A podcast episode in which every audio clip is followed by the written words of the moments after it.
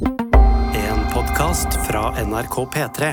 De nyeste episodene hører du først i appen NRK Radio.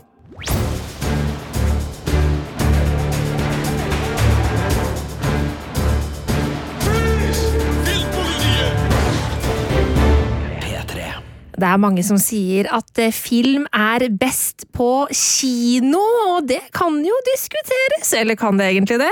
I forrige uke av Filmpolitiets podkast så holdt vi oss på den lille skjermen i eh, podkasten som heter Årets beste TV-serier. Nå skal vi over da på det store lerretet eh, og kåre altså de ti beste filmene for 2022.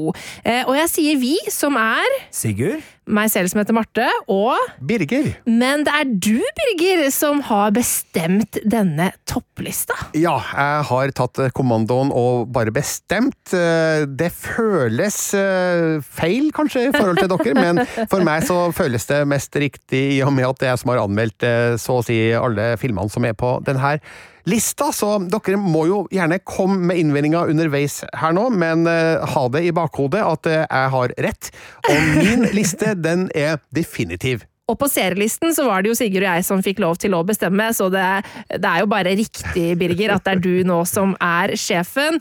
Eh, og du har altså plukka ut ti favoritter til oss. Her får du en liten smakebit. Why do you come to us? The humans are returning. They're hunting us. You do not know the sea. We will learn your ways. across the multiverse. I've seen thousands of Evelyns. You can access all of their memories, their emotions, even the skills. Let me be perfectly blunt. You are not my first choice. You are here at the request of Admiral Kazansky, aka Iceman. He seems to think that you have something left to offer the Navy. What that is, I can't imagine. Ouvrez les fenêtres, les garçons.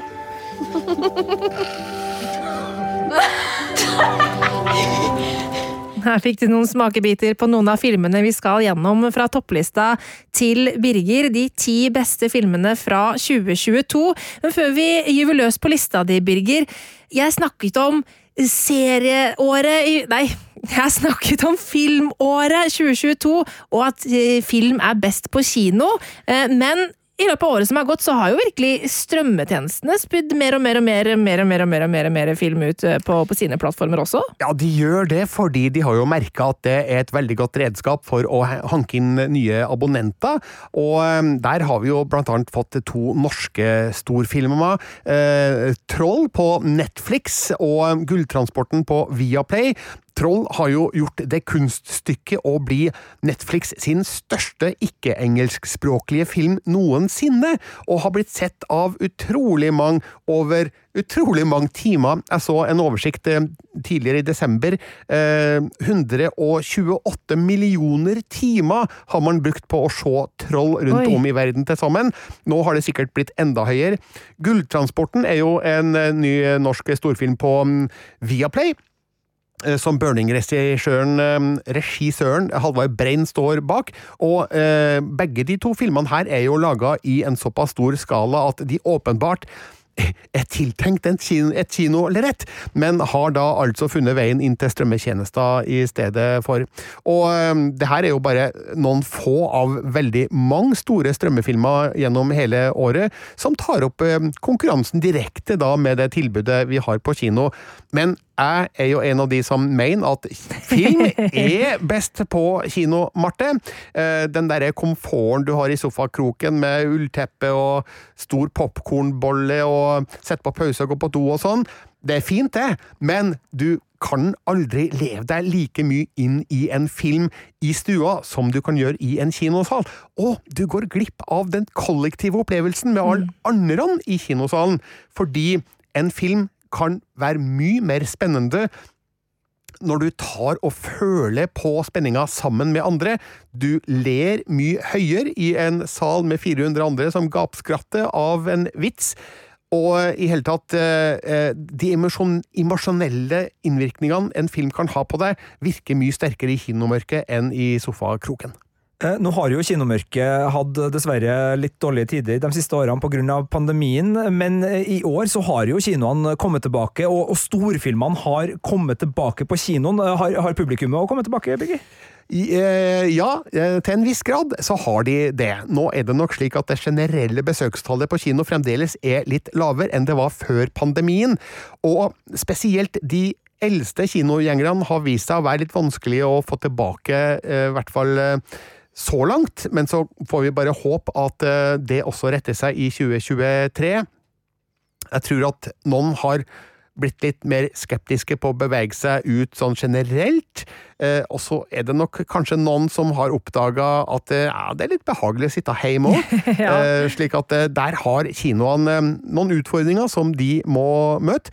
Men eh, samtidig så skjøt besøkstallet virkelig fart i 2022, og det kom flere storfilmer som var utsatt under pandemien. Og eh, for mitt vedkommende så er det jo herlig å se tilbake på et kinoår der vi fikk en ny Spiderman-film, en ny Top Gun-film, en ny Olsenbanden-film eh, og en ny Avatar-film. Så her eh, går nostalgikeren i meg nesten eh, i spinn over eh, alle de gode, gamle kjenningene som har dukka opp på kinolerretet igjen. Og du som eh, filmkritiker her i Filmpolitiet, du har jo også vært på, på rundtur rundt omkring i Europa på, på filmfestivaler hvor du også har eh, sett eh, mye film. Ja da, jeg var på filmfestivalen i Cannes i mai, og der så jeg blant annet eh, to filmer som vi skal innom i løpet av eh, denne podkasten. For eh, der er det jo da det ypperste innen kvalitetsfilm som gjerne presenteres. Jeg var også på filmfestivalen i eh, Venezia og eh, så flere godbiter der som er i ferd med å gjøre seg gjeldende på kino nå og utover eh, neste år. Der så jeg blant annet én film som jeg tror kommer til å figurerer høyt på neste års topp ti-liste, for den har enda ikke hatt eh, premiere. Så um, i hele tatt uh, har det vært en opptur da for de som har fulgt med filmen i 2022, sjøl om pandemien fremdeles har ei lita klo inn i besøket. Ja. Eh, vi skal nå over til topplista di, Birger. Det er jo eh, ti filmer eh, som du mener er de beste filmene som har gått på kino i Norge i 2022. På tiendeplass, der finner vi Triangle of Sadness. Det er riktig, og det var en av filmene fra årets filmfestival i Cannes. Den vant jo Gullpalmen der, noe Ruben Østlund har gjort uh, før. Uh, Ruben Østlund er da filmens regissør. Han vant også Gullpalmen for sin forrige film, The Square, og er tydeligvis en populær mann i Cannes. Og uh, jeg skjønner jo hvorfor Triangle of Sadness gikk hen og vant Gullpalmen der, sjøl om det var kanskje en annen film jeg håpa enda litt mer på. men Triangle of Sadness der er han tilbake i det bitende satiriske hjørnet, der han utforsker klasseskillene mellom de for å låne et uttrykk fra deg, Sigurd Vik, de brekkekle rikingene. ja. Og fotfolket. De underbetalte, vanlige arbeiderne som går i clinch på en luksusyacht der noe dramatisk skjer som snur opp ned på hele dynamikken om bord. Og der bruker Ruben Østlund ganske drastiske virkemidler for å beskrive hvordan rikingene omtrent går til grunne. Det er blant annet en del kroppsvæsker ute og går her, under filmens mest dramatiske sekvenser, som det bøttes på med i beste Monty Python-stil, og jeg syntes det var hylende morsomt. Det finnes nok de som syns at det ble for mye av det gode av spy, spy og bæsj og drit og tiss, for å si det rett ut. Men jeg syns at det var en skikkelig god takedown da, av de forferdelige, ekle, rike folkene om bord. Så Triangle of Sadness, den, den serverer oss noen ganske forferdelige, men morsomme beskrivelser av menneskehetens verste sider. Og så får man bare ja, være forberedt på en del sterke inntrykk. Jeg har jo storkosa meg med seriene Succession og The White Lotus, som også inkluderer en del ja, brekkekle rikinger. Og jeg har ringa rundt 16. januar 2023, for da skal denne filmen komme på kjøp og leie. For jeg har ikke sett den ennå, og jeg gleder meg veldig. Og så beklager jeg at jeg ikke så den på kino. Ja, det er nesten ikke greit, men vi går videre. Og da er det på niendeplassen vi finner den eh, filmen eh, som heter Drive My Car. Japansk film, tre timer lang, regissert av Ryusuke Hamaguchi etter en novelle av Haruki Murakami. Og den vant jo Oscar i eh, februar, nei, unnskyld, i mars. eh, For beste internasjonale film. Og det skjønner jeg godt, for her får vi en en, en sorgfull dramafilm som handler om tap, savn, bearbeiding av eh, denne sorgen, og det fortelles gjennom eh, Yusuke, eh, en skuespiller og teaterinstruktør, som drar til Hiroshima. Der skal han sette opp et eh, berømt stykke som heter Onkel Vanya av eh, Anton Tsjekhov. Og det, dette teatret i Hiroshima eh, tvinger han omtrent til å ha en eh, privatsjåfør, som er ei ung eh, kvinne som viser seg å ha litt av eh, den samme sorgen som det Yusuke har. Og de utvikler da et, et uventa vennskap som kanskje i den andre enden kan eh, hjelpe dem til å bearbeide det som har hendt dem da på hvert deres eh, plan. Mm. en, en film som gjør inntrykk, men du må ha litt tålmodighet, da, for den, den varer som sagt i tre timer. Men eh, jeg har ingenting imot lange filmer. Jeg ser gjerne lange filmer på kino. Spesielt når de er så gode som eh, Drive My Car er. Vakker og stemningsfull, og så har den en fantastisk fin rød Saab 900, veldig sentralt plassert. Og det er jo et eh, sikkerstikk i enhver film som utspiller seg mye i en bil. Du må ha en ordentlig bil, altså. Du kan ikke komme her med en eh, Toyota Prius eller en eh, Corolla eller en eh, Opel eh, Manta. Ja, Opel Manta kunne vært fin, da. Men eh, du kan ikke ha en kjedelig bil! Det var det som var ho hovedpoenget mitt her. Og den røde Saben, den, den står som et symbol, da, i Drive My Car. Å, det er helt nydelig, og en veldig fin film. Enig med deg der, Birger. På åttendeplassen, der skal vi til Norge og til krigen. Ja, det skal vi. Krigsseileren den ble jo en kjempesuksess i høst. Den tippa 400 000 besøkende nå rett før jul. Eh, Og det tyder på at den har truffet eh, sitt publikum, og også at den kanskje har greid å lokke de eldste kinogjengerne ut igjen, siden så mange har sett den. Jeg kan tenke meg til at eh, i et vanlig år uten pandemi, så kunne krigsseileren ha oppnådd enda høyere tall, for dette er en skikkelig sterk eh, krigsfilm i regi av Gunnar Vikene, som også har skrevet manuset, og så har den jo fantastiske skuespillere i hovedrollene. Det er Kristoffer Joner, Pål Sverre Hagen og Ine Marie Wilman. Og krigsseileren den handler jo om de som seilte for Norge under andre verdenskrig. De utrolig forferdelige forholdene de eh, jobba under. Eh, Og, og hvor farlig det var når de var ute og seilt, og til enhver tid eh, kunne torpederes av tyske ubåter. Så filmen skildrer det på den ene sida, da, med Joner og Hagens figurer ute i Nordsjøen og Atlanterhavet, eh, mens Ine Marie Wilman, hennes figur, da, representerer de som var der hjemme og ikke visste eh, hvordan det gikk med eh, mannene deres eh, ute på havet. Mm. og filmen veksler veldig godt mellom de to eh, scenarioene, og eh, det gjør inntrykk. Eh, man blir trist og sørgmodig på disse figurenes eh, vegne. Man, eh, det er forstemmende å se hvilke lidelser de eh, måtte igjennom. Og eh, så har den en spesiell scene mot slutten av filmen, der eh, jeg ikke skal avsløre hva som skjer, men eh, det er en eh, stille scene som sier alt. Så krigsseileren den er absolutt verdt å være med på åttendeplassen her, altså. Eh, Fra krigen så skal vi over til 70-tallet. Eh, En film med en ganske så tydelig tidskoloritt. Eh, Licorice Pizza. Det er riktig. Paul Thomas Andersons eh, nye film. Jeg elska den. Jeg falt så pladask for figurene og historien og miljøskildringa og tidskoloritten og eh, Ja, Licorice Pizza fant vi jo nylig ut hva betydde, Sigurd. Ja, det var en overraskelse for meg, men eh, en, en god en sådan. Altså, det er eh, slang for vinylskive. Ja, det er Ja. riktig. Uh, før jeg så filmen, så lurte jeg jo på om eh, skal vi bli med inn i en pizzasjappe der de serverer en veldig rar pizza? Ja, Altså, jeg, jeg, ananas på pizza. Det er godt! Det, det er diskusjon. Jeg, jeg sier ikke at vi skal diskutere noe, men, men det er en diskusjon. Men er altså, lakris på pizza? Altså, hvis vi skulle ha tatt den her litt mer Hvis du hadde altså, hatt ananas på pizzaen også, og så, og så lakris, for da får du både salt og søtt.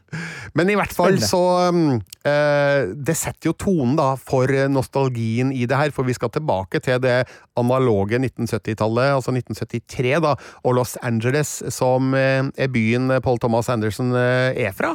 Og det er også den epoken han vokste opp i, da, sjøl om eh, ja, 1973 Han var ikke gamle karen da, men han har tydeligvis den samme elsken til byen sin som Quentin Tarantino hadde i Once Upon a Time in Hollywood, og skildrer den på ganske lik måte, egentlig, for det skiller jo bare sånn tre-fire år eh, mellom handlinga i eh, deres filmer her nå. Eh, Men hovedrollene her spilles av Alana Haim og Cooper Hoffman. Eh, Alana Haim fra bandet Heim og Cooper Hoffman er sønn av Philip Seymour Hoffman. Og eh, de, de har et fantastisk forhold i filmen her. To unge mennesker på vei fra ungdomslivet over i voksenlivet. Det er en liten aldersforskjell mellom dem. Han er yngre enn hun, men allikevel så eh, er det et vennskap som mot alle odds eh, gryr her, og er det eh, romantikk i lufta også? Det får vi jo egentlig bare avvente og se. Men eh, som jeg allerede har sagt, jeg er jo en uforbederlig nostalgiker, og um, Licorice Pizza den traff meg skikkelig hardt og godt i hjertet. Og Bradley Cooper, folkens, han spiller en helt ubetalelig birolle her, som eh, kjæresten til Barbara Streisand, av eh, alle, som er en skikkelig player, og eh, i negativ forstand i denne filmen, i hvert fall. Så um, dette er en knallfilm som jeg tror jeg kan kose meg med gang på gang på gang. Jeg har bare sett den én gang nå, og det er jo egentlig trist, for eh, den er allerede ute på Prime Video for de som er abonnenter der, og så kan den kjøpes og leies overalt ellers også. Ja. Eh, Licorice pizza, eh, slang som du sa, for, eh, for eh, vinylplate, Sigurd. Vi skal holde oss i musikkens verden når vi går opp på sjetteplassen, for der er det en musikkdokumentar. Ja, der har jeg satt Moonage Daydream, som er Brett Morgans eh, dokumentar om sjølveste David Bowie. Og jeg, jeg sleit litt med meg sjøl mens jeg laga denne lista. Skal en dokumentarfilm egentlig med? Men eh, jeg fant ut at nei, men den må jo det. En dokumentar er jo en fullverdig kinoopplevelse, det, som enhver spillefilm. Og så har vi jo hatt med dokumentarer tidligere. 'Kunstneren og tyven' eh, vant jo. eh, Den ble satt helt på toppen for noen år tilbake.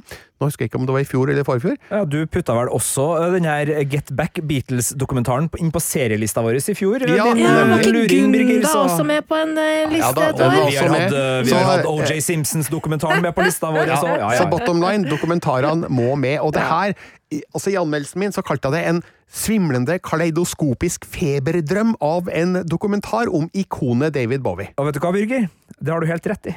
Eh, For det er godt oppsummert. Eh, Det er en eh, dokumentar som holder seg befriende langt unna det som omtales som sånn talking head-dokumentarer, som er sånn ansikt på skjermen som forteller en historie. Altså, den forteller en historie, men den bruker filmatiske virkemidler eh, til å gjøre det på en helt unik måte. Og regissør Brett Morgan, som også imponerte meg veldig med sin Kurt Cobain-dokumentar 'Montage of Heck', som også er en delvis animert eh, ja, montasjefilm, så gjør han jo det her igjen, og, og det gir jo en annen måte å se artisten David Bowie på, som er utrolig fascinerende. Ja, det er jo en eneste lang montasje, det her. Eh, to timer og 15 minutter lang. En kollasj av inntrykk. Både intervjuer David Bowie har gjort, konsertopptak, musikkvideoer og andre kunstuttrykk som ikke nødvendigvis har noe direkte med Bowie å gjøre, men som kanskje han har vært inspirert av underveis i sin karriere. Som samla forteller oss et eller annet Altså, det speiler karrieren hans, da, og den betydningen han har hatt i musikkhistorien.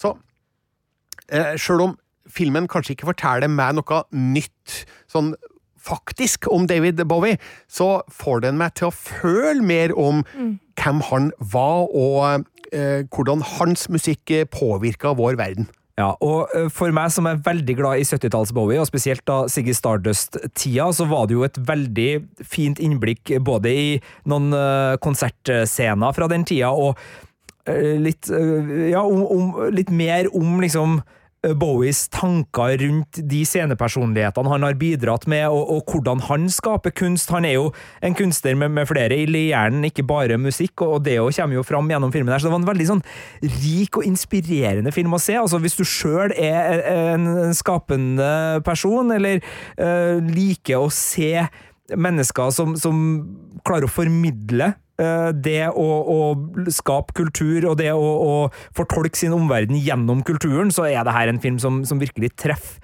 eh, helt fantastiske plasser, og, og som Ja, det, det, den den krever uh, investering og litt tålmodighet, det gjør den, for den er, den er ganske krevende i, i, uttrykket. Men hvis du gir den den fulle og hele oppmerksomheten, så er det en film som gir utrolig mye tilbake.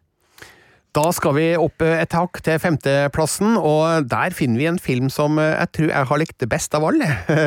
Thomas mot Thomas, en sensasjonell teori om det ubetydelige livet i multiverset.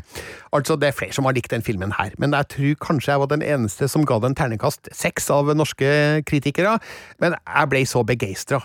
Ble så entusiastisk av denne filmen at den bare måtte opp på toppkarakteren. Og så har jeg ikke sett den om igjen, jeg tør nesten ikke, i tilfelle den ikke var så bra allikevel, men nei, jeg har selvfølgelig alltid rett den første gangen, så Men det her var en film jeg også gleda meg til, fordi den har et veldig spesielt premiss. Ja, den har det. Altså, her møter vi Thomas, spilt av Arthur Berning, som for øvrig er veldig glad for at han endelig får en skikkelig god hovedrolle å bryne seg på. Thomas han prøver å bevise en teori han har om at hver gang vi gjør et valg, så deler universet seg, og to versjoner av oss lever videre i hvert sitt. Og det her skjer hver gang vi gjør et valg, tar en avgjørelse, gjør, velger å dra et sted, eller eh, si nei takk til noe, eller eh, Uansett hva du har valgt, så resulterer det i en multiplisering av deg sjøl. Og så, underveis i dette arbeidet, så får han besøk av noen av de andre versjonene av seg sjøl, som eh, setter han på plass, eh, konfronterer han, eh, forstyrrer han i arbeidet, og kanskje prøver å fortelle han at han er på ville veier. For denne hoved-Thomassen, da, han har også et privatliv som han kanskje har forsømt litt. Han har en sønn som han har sammen med sin nå fraseparerte kone, de er ikke sammen lenger, bor på hvert sitt sted, og så har han ei mor som eh, begynner å få litt eh, ja, dementproblemer, rett og slett.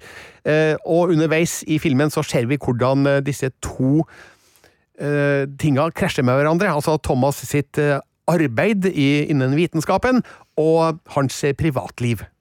Jeg vil jo uh, erklære, uh, helt uoffisielt, uh, Arthur, Arthur, Berning som norgesmester i, i biroller og scenestjerning. han har en utrolig evne til å gjøre minneverdige prestasjoner i birollene han spiller, enten det er i 'Mannen som elsket Yngve', eller det var i den her zombiefilmen Gen Generasjon Z, hva den het nå nylig. Altså, han er så flink til å stjele den scenen. Så når han da spiller ikke bare hovedrollen, men spiller mot seg sjøl i, i, hovedrollen Jeg gleder meg veldig til å se den ja. filmen der, men, men, hvordan er det? Du nevnte jo altså det at han endelig får uh, den plassen uh, og, og den, det, det scenelyset på seg sjøl. Prosjekt Sett het vel den filmen den du snakka om? Ja. Takk, takk, takk, takk. Eh, jo, du, Arthur Berning han er en opplevelse i den filmen her. Eh, han spiller jo da mot seg sjøl. Veit ikke helt hvordan de har gjort det rent teknisk under innspillinga, men det er helt sømløst, og han har jo en, en replikkavlevering som innbyr til latter og, og smil sjøl når det kanskje er litt trist iblant, og alvorlig, og Uh, uansett hvilken stemning vi er i, så er Arthur Berning på edgen og uh, gjør den Han har det uttrykket som vi elsker han for i alle de andre filmene han har vært med i, så det er deilig å se at han endelig får uttelling da, for sine talenter i en hovedrolle. Og så må jeg skryte av regissøren her, som vi ikke har nevnt, Jakob Rørvik. Det her er hans debutfilm i spillefilmsammenheng, da.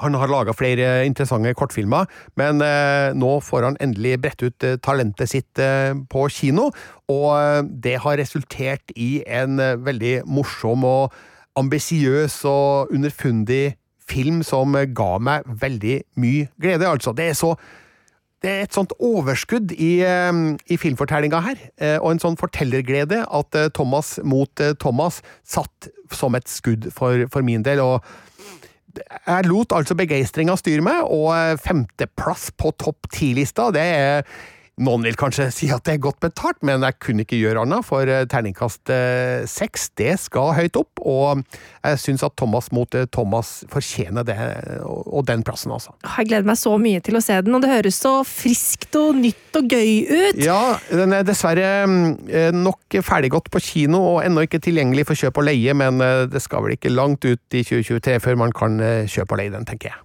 Så var jeg jo litt uh, overraska, men, men det har seg sånn at vi må opp til fjerdeplassen for å finne den første virkelig store Ja. blockbusteren på Birger Vestmos eh, 2022-liste, men, men da er det til gjengjeld blockbuster av eh, største kaliber vi snakker om. Ja, vi, ja, vi skal til Top Gun Maverick, som eh, ble eh, årets nest mest sjette film i Norge.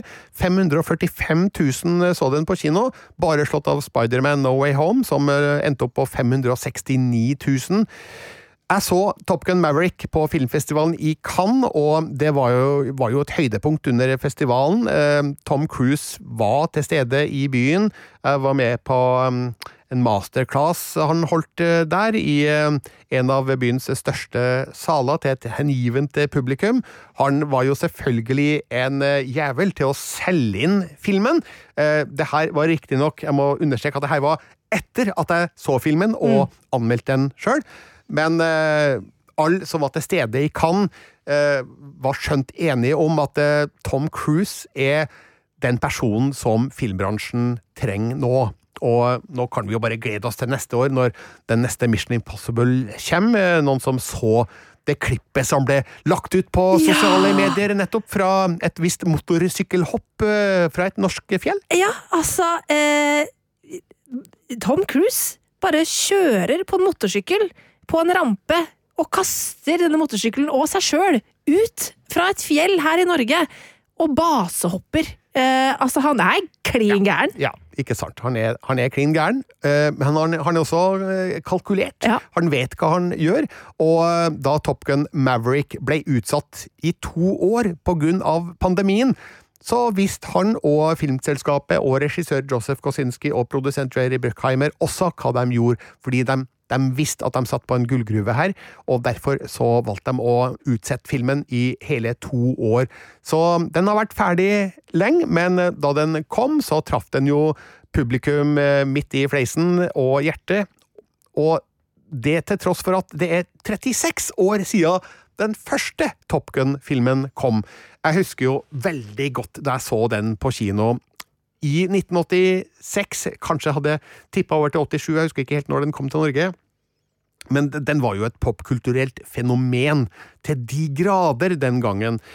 Så det at det skulle komme en ny Top Gun-film eh, i 2022, eh, det var jo ikke helt eh, opplagt at han ville tilbake til den rollen som Pete Maverick Mitchell, men det, det har han altså greid med glans og med stil, for det her er virkelig topp underholdning av beste merke, som eh, gjør ære på den originale Top Gun. Man kan vel kanskje si at den kopierer store deler av den originale filmen, men jeg tror ikke at publikum ville ha det på noen andre måter. Samtidig som den tilfører friskt blod, og um, Joseph Kosinski han har jo rett og slett greid å regissere et neglebitende spenningseventyr med store jagerfly på en måte som eh, jeg tror den originale filmens regissør, Tony Scott, om han fremdeles hadde levd, hadde nikka anerkjennende til.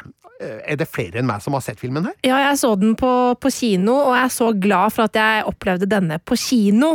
Eh, fordi eh, det var noe helt spesielt å, å, å sitte inne i cockpiten på disse jagerflyene sammen med Tom Cruise og co. Ja. Eh, og bare kjenne G-kreftene på kroppen! Man, man ble eh, revet med, altså. Eh, Det her var skikkelig engasjerende og underholdende, og Ja, jeg skrev en anmeldelse i Cannes og ga det en terningkast fem, og så ja, Jeg har jo tenkt i mine stille stunder at eh, den femmeren den er, den er veldig sterk, altså. Eh, og så har jeg jo da endt opp med å plassere den eh, over Thomas mot eh, Thomas, som fikk terningkast eh, seks, og over Moonage Daydream, som fikk det samme. Og det det mener jeg er lov etter et år der man kanskje har fått tenkt seg litt grundigere om at en film huskes bedre enn andre når Mm. alt kommer til alt, og Top Gun Maverick Jeg fant ut at den kunne ikke legges ned på sjetteplass, altså. Den måtte heves litt opp, så fjerdeplassen, den er fortjent. Åh, ja, helt nydelig. Eh, og nå skal vi opp på pallen. Eh, Tredjeplass. Eh, og der er det en film som eh, kanskje har noe av den samme tematikken lite grann som Thomas mot Thomas, eller? Det er riktig, vi skal tilbake til multiverset. Det er Everything Everywhere All At Once, med Michelle Yeoh i hovedrollen. Og her tenker jeg at jeg rett og slett skal overlate ordet til sjølveste Sigurd Vik, for sjøl om jeg har satt den på tredjeplass, så er det du som har anmeldt den for Filmpolitiet til terningkast seks. Ja, og, og det er jo en sånn tilfeldighet som kan oppstå i, i multiverset, for de valgene vi tar, sender Birger Vestmo til Cannes, hvis jeg husker riktig. Eh, Så du var vel da på filmfestivalen, eh, og der ble ikke denne filmen vist. Den ble pressevist eh, i Trondheim, og, og der var jeg, og der ble jeg helt blåst av banen av en forrykende film, som, eh, som tittelen lover, Everything Everywhere All At Once. Ja, det her er en multiversfilm som jeg skal være forsiktig nå, for jeg skal ikke si noe stygt om Marvel Cinematic Universe, men jeg skulle ønske at Marvel Cinematic Universe, som også er godt inne i en multiversperiode nå, med både Doctor Strange og, og Spiderman-filmer som, som tar opp det her, jeg skulle ønske at de hadde litt av den kreative galskapen som den filmen her virkelig har, samtidig som det her er en film som, ja, har et formspråk og en øh, hva skal man kalle det, en ytre handling som er spektakulær og veldig metafysisk, men samtidig så har den et, en dramafilm i hjertet som virkelig griper tak. Og uh, Michelle Yeoh, eh, som da spiller Evelyn, som er ei mor som kjenner at livets utfordringer har tårna seg opp.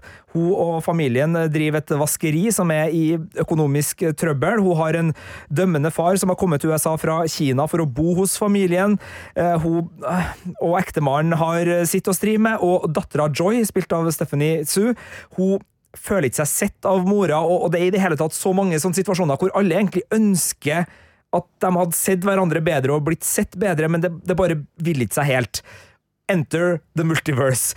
Fordi eh, her eh, havner Evelyn i en situasjon hvor hun får muligheten til å besøke, eller bli besøkt av alle de forskjellige variantene av seg sjøl, og i likhet med den forklaringa som Birger ga eh, under Thomas mot Thomas, det er noe lignende her med at de valgene vi har tatt, har ført til eh, ulike varianter, og eh, Evelyn kan da gå inn og koble seg på og lære av alle de forskjellige Evelinene. Noen Litt som i The Matrix, nesten. sånn- Ja, og det er artig du sier, for jeg skriver jo i en anmeldelse her at det er litt Matrix, det er litt Rick and Morty, det er litt Marvel Cinematic Universe. Det er ganske mye Ratatouille, for dem som husker den Disney-klassikeren eh, om rotta som eh, drømmer om å bli kokk.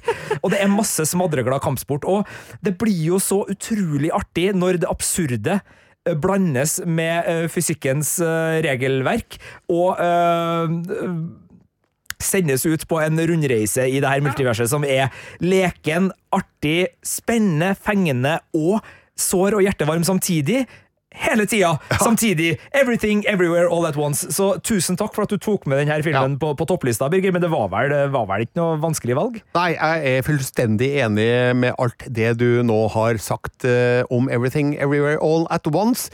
Den er så skarpt og morsomt eh, fortalt. Regissørene her, som heter eh, Daniel Kwan og Daniel Scheinert, de har jo tidligere laga Swiss Army Man med Daniel Radcliffe i en helt absurd hovedrolle. Og um, også i denne filmen så viser de da en, eh, et talent for eh, absurditet som overgår det meste annet som jeg har sett på kino Mm. i år.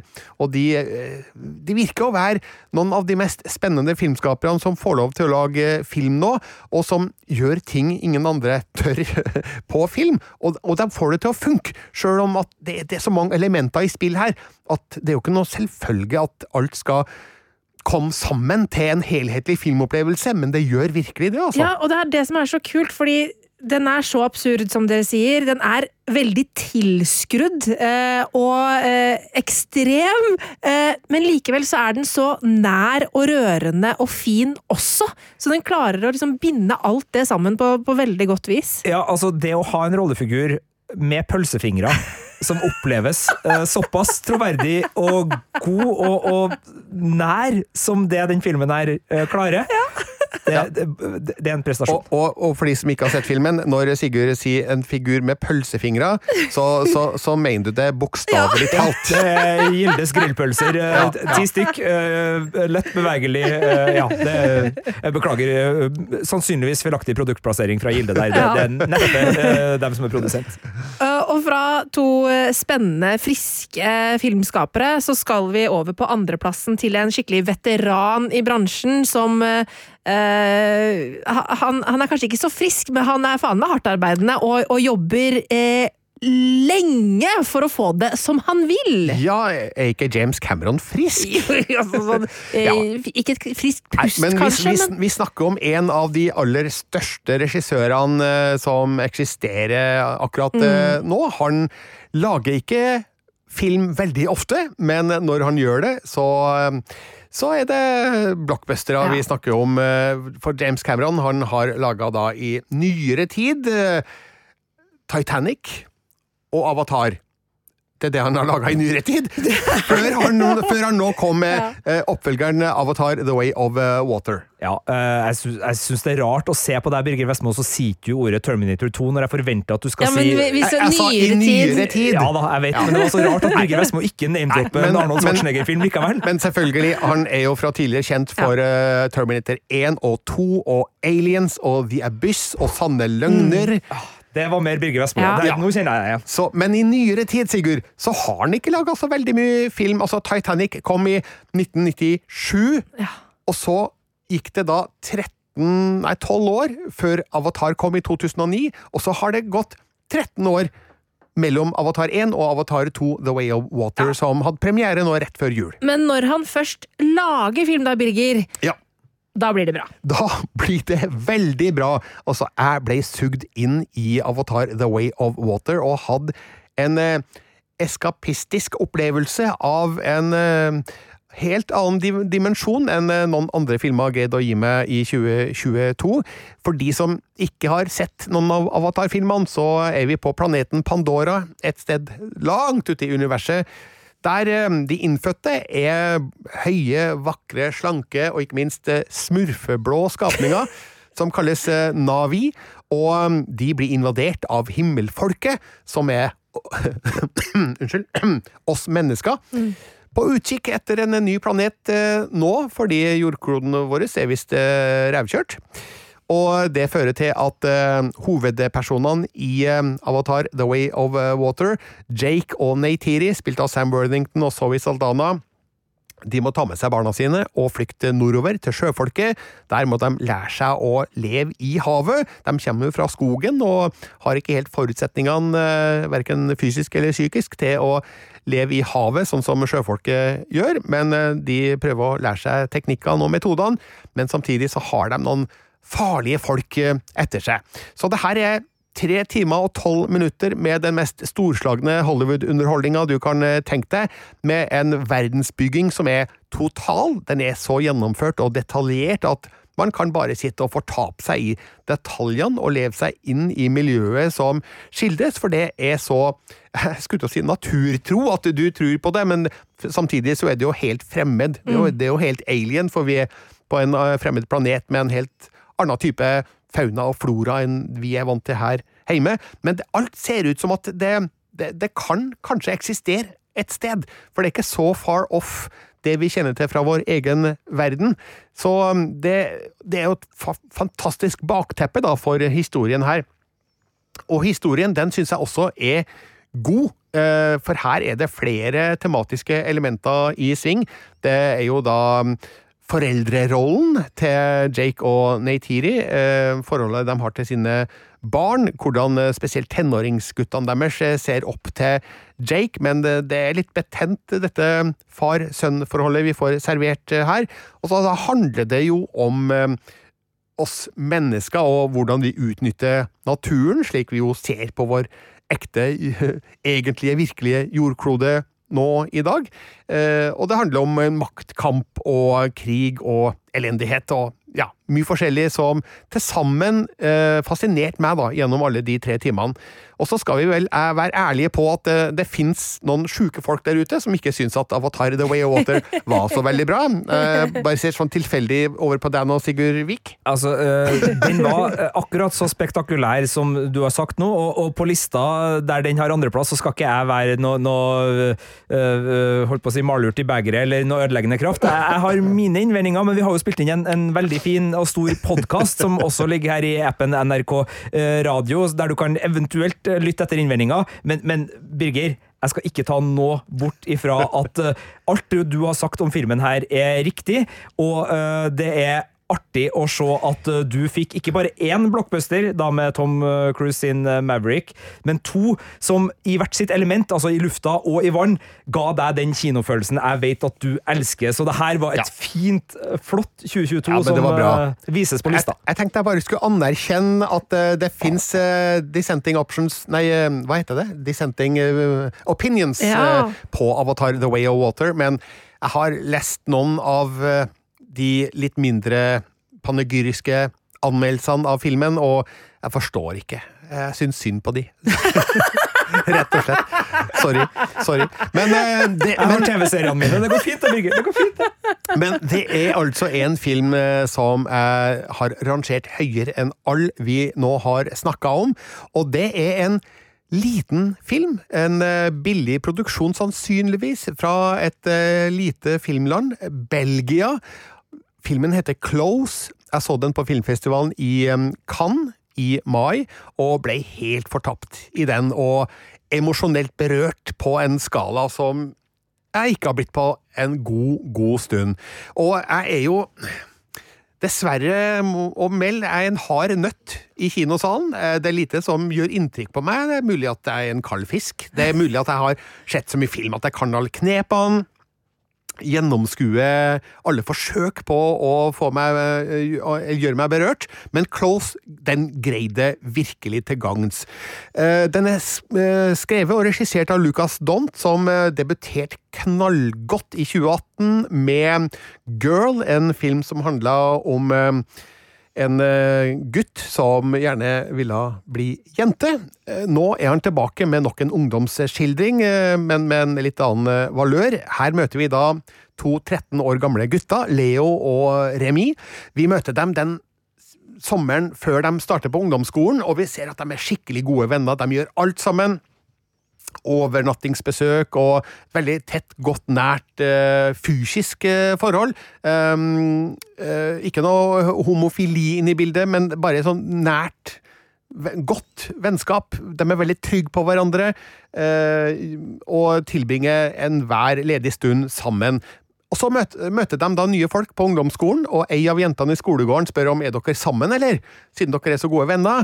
Og de sier nei, vi er bare vi er sånn gode brødre. Men i det øyeblikket så begynner Leo å ane noen sammenhenger, og begynner å bli litt sjølbevisst på det vennskapet han har med Remi, og hvordan det kanskje tar seg ut da for andre i skolegården. Og skolegården er jo et ubarmhjertig sted, spesielt i den alderen der.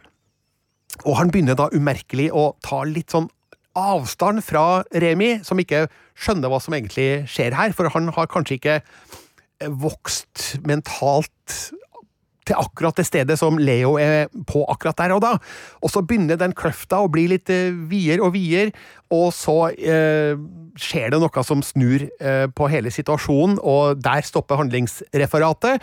Men det er da en så nydelig fortalt film, og spillet som disse to guttene har greid å få til, eh, Eden Dambrin og Gustav Develi heter de, det er helt utrolig godt, og jeg forstår ikke hvordan hvordan har Lucas Dont greid å, greid å gjøre det her? Altså, han må jo ha instruert dem helt besynderlig godt, ellers så er de bare sånn utrolige naturtalenter. Eh, Og det var litt Nesten litt trist i Cannes, da, fordi jeg så jo disse guttene der, og da hadde de rukket å blitt ungdommen, ungdommer, mens i filmen så er de akkurat på terskelen mellom barndommen og voksenlivet. Eh, og, og, i Cannes så kom de med kviser og regulering, og de har plutselig blitt uh, store gutter. De har blitt tenåringer, liksom. Ja, men, men de, de, har tydeligvis blitt uh, fanga inn på det perfekte tidspunktet da, til innspillinga av denne filmen, for, uh, for, å kunne fortelle denne historien på så best mulig vis som det har blitt. Jeg ble skikkelig rørt av Close, og jeg må bare advare dere, Marte og Sigurd, dere er enda litt mer lettrørt enn det er i en ja. kinosal. Uh, be prepared. Altså, for det her, det her er en uh, film som virkelig trekker uh, tårekanalene i drift, men ikke på en sånn åpenlys måte. Lucas Dont han gjør det på en litt mer utspekulert måte. Så det her er en film som jeg allerede under rulleteksten tenkte at oi, det her er kanskje årets beste film. Og så har jeg ikke turt å se den om igjen, for enn om jeg ikke liker den like godt! Men det tror jeg jaggu at jeg gjør, altså. For nå, eh, rett før jul, så så jeg en del eh, filmklipp eh, og traileren til filmen, fordi jeg skulle forberede meg på å snakke om den nå. Og jeg bare ser at oi! Jeg, er virkelig forelska i denne filmen og denne historien fremdeles. Og gleder meg til å se, se den om igjen, for uh, dette er en perle av en uh, film, altså, som jeg håper at uh, jeg håper den finner sitt publikum. Jeg er nok litt forberedt på at det blir ikke noe Top Gun-blockbuster, det her, men jeg håper virkelig at publikum som har et hjerte for god europeisk film, finner veien til kinosalen, for det er Close virkelig verdt. Og du som hører på, som kanskje fikk veldig lyst til å se denne filmen nå, du kan se den fra 25. desember på kino, og jeg kjenner at eh, jeg tror nok jeg må bevege meg inn i, i kinomørket på den her enn du, Sigurd? Definitivt, og, og det som er litt fascinerende, vi anmelder jo stort sett gjennom året både filmer og serier som publikum får sett ganske snart, sånn at vi får delta i en felles opplevelse av de her filmene og de seriene. Men fordi du da, Birger, er så uheldig at du må på disse festivalene et par ganger i året, enten det er i Cannes eller Venezia, det å liksom sitte og vente da, på at resten skal få se det, ikke i et halvår, altså i hva er det nå? Det her var i mai, ja. så det, det, er liksom uh, sju måneder ble det det, med, med, venting på at resten skal få liksom ta del i den opplevelsen. Det, det må jo mm. ha mhm. vært en tålmodighetsprøve, men ja. det er jo bare å glede seg da, til å, å få spredd det her budskapet i, over det hele land. Absolutt. Jeg nevnte tidligere i podkasten at Triangle of Sadness vant Gullpalmen i Cannes. Jeg hadde jo da håpa kanskje at Close skulle vinne den, men den vant det som kan kalles andrepremien, da.